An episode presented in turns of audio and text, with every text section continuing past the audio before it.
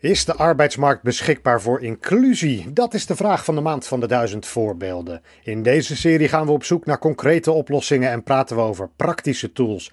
Beschikbaar voor werkgevers, werkenden en professionals. Tools die kunnen helpen de werkvloer een beetje inclusiever te maken. De overgrote meerderheid van werkgevers wil werknemers met schulden helpen. Bijna 60% van hen ziet dat als zijn of haar verantwoordelijkheid. Dat bleek eerder dit jaar uit onderzoek van Deloitte. Rosanna Oomkens van de Hogeschool Utrecht creëerde de tool schulden in bedrijven om werkgevers daarbij te ondersteunen. Dat er medewerkers met geldzorgen zijn, dat staat vast. In de ene organisatie meer dan in de andere. En daarin heb je als werkgever uh, geen keuze, maar het is wel aan jou als werkgever om te bepalen of je medewerkers met geldzorgen of dreigende geldzorgen wel of geen ondersteuning wil bieden. En het is ook aan jou als werkgever om te bepalen welke rol je daarin wil nemen. En welke rol kan dat dan zijn? Kijk, wij zeggen wel altijd: een werkgever is geen hulpverlener. Dus als we het hebben over het schuldregelen, schuldhulpverlening, laat dat aan professionals over. Maar die werkgever kan wel een ontzettend belangrijke rol spelen in het signaleren van geldzorgen,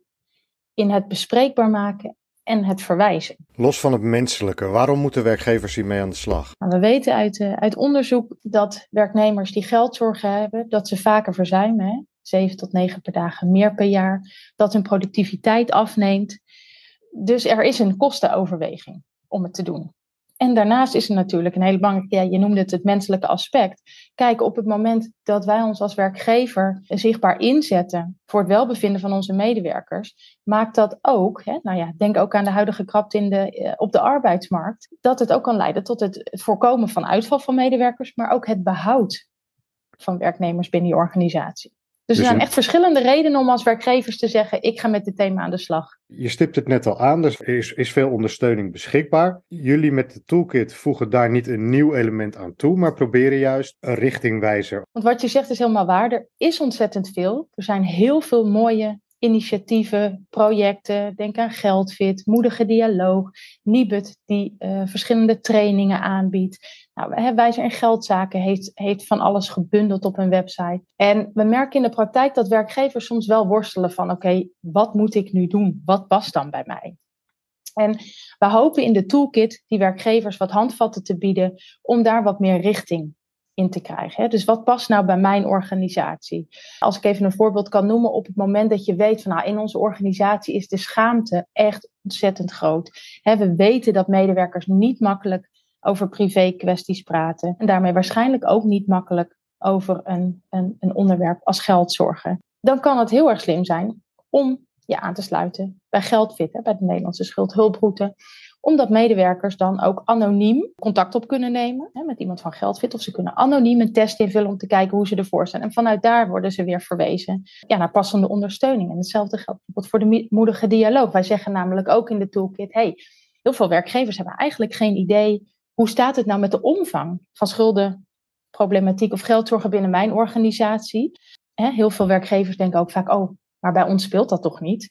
Dat uh, uh, is vaak toch anders in de praktijk. Nou, en de moedige dialoog heeft bijvoorbeeld een mooie scan om als werkgever uh, daar inzicht in te krijgen. We hebben zelf ook een andere scan in de toolkit opgenomen. Gewoon om die werkgever wat meer op weg te helpen van hé, hey, maar hoe doe ik dat dan?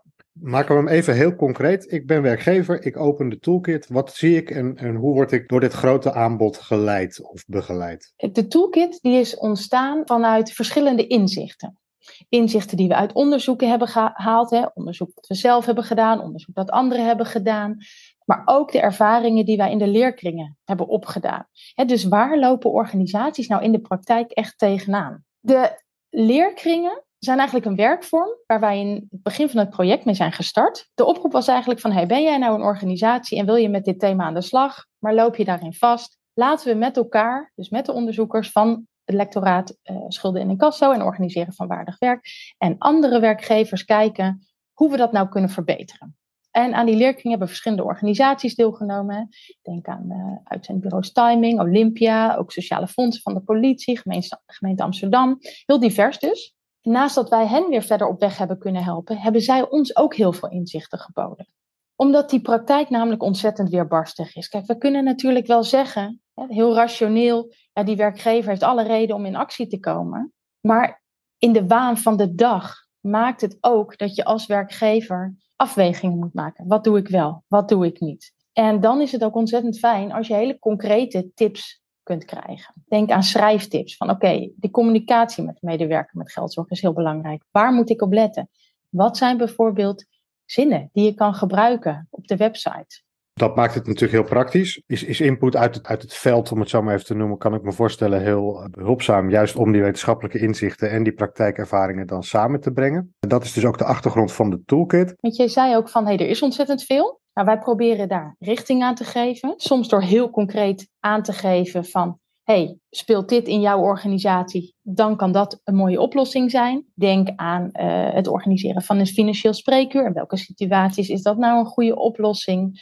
Maar wat we ook laten zien in de toolkit, is dat het heel belangrijk is om in je aanpak samenhang aan te brengen. We laten ook zien dat blijvende aandacht voor het thema wel belangrijk is als je echt die medewerker met geldzorgen wil bereiken. Eén keer per jaar een flyer rondsturen, hoe goed bedoeld het ook is, zet in die end weinig zoden aan de dijk. Dus we proberen ook wel die werkgevers te laten zien van kijk, als je er echt mee aan de slag wil, dit thema raakt aan meerdere afdelingen binnen de organisatie. Denk aan HR, bedrijfsmaatschappelijk werk. Niet ieder bedrijf, zeker het MKB, heeft bijvoorbeeld bedrijfsmaatschappelijk werk. Uh, of heeft een hele aparte HR-afdeling. En gaat het veelal om het gesprek dat een leidinggevende voert met medewerkers. Dus daar geven we dan ook weer concrete tips in. Maar we laten wel zien van waar moet je nou aan denken. We zetten, proberen die werkgever dus ook zelf aan het denken te zetten over van wat past nou bij jouw organisatie. Want uiteindelijk kent die werkgever zijn eigen organisatie het beste. Wat past. En dat betekent ook dat er binnen die toolkit ruimte is voor, laten we zeggen, verschillende soorten bedrijven en werkgevers. Er is niet één oplossing en dat, dat kan per organisatie in grote omvang en aard verschillen. Is er nou alles overziende één allerbelangrijkste tip in de omgang met deze problematiek? Of is het juist, zoek dat wat bij mij past? Ja, ik denk wel dat dat laatste wat je zegt, hè? zoek dat wat bij mij past. En wat past nou bij mij als werkgever, maar vooral ook wat past bij de medewerkers die bij ons werken. Weet je, op het moment dat je medewerkers fysiek dichtbij werken, hè, dus allemaal in kantoor, dan kun je een andere aanpak kiezen dan wanneer je medewerkers allemaal buiten de deur werken.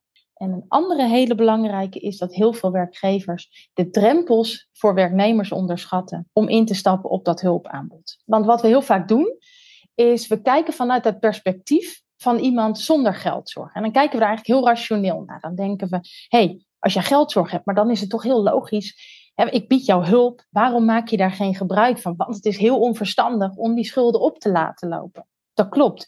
Maar die medewerker met aanhoudende geldstress, die denkt anders. Die denkt veel meer op de korte termijn. Hè. Die maakt vaak beslissingen die op de korte termijn verstandig lijken, maar die op de lange termijn vaak onverstandig uitpakken. En mensen denken heel vaak, ik red het wel. Hè, van nou, als ik nou nog deze maand Weet je, misschien als ik wat geld neem van mijn zus, dan red ik het nog wel. En dat bewustzijn van die drempels, van die onzichtbare mechanismen, hè, van schaamte, is ontzettend belangrijk. En daar kan de inzet van ervaringsdeskundigen, ervaringswerkers enorm bij helpen. Werkgevers die ermee aan de slag gaan, met welk tijdspad moeten die nou rekening houden? Aan de ene kant zeggen we, ja, die praktijk is weer barstig en het is niet zo dat het een quick fix is. Hè? Dat je meteen met het thema aan de slag gaat en ook direct daarvan resultaat ziet. En zeker als je bijvoorbeeld een aanpak wil als het organiseren van een financieel spreekuur. Het hebben van aanbod betekent niet automatisch het bereiken van medewerkers met geldzorgen.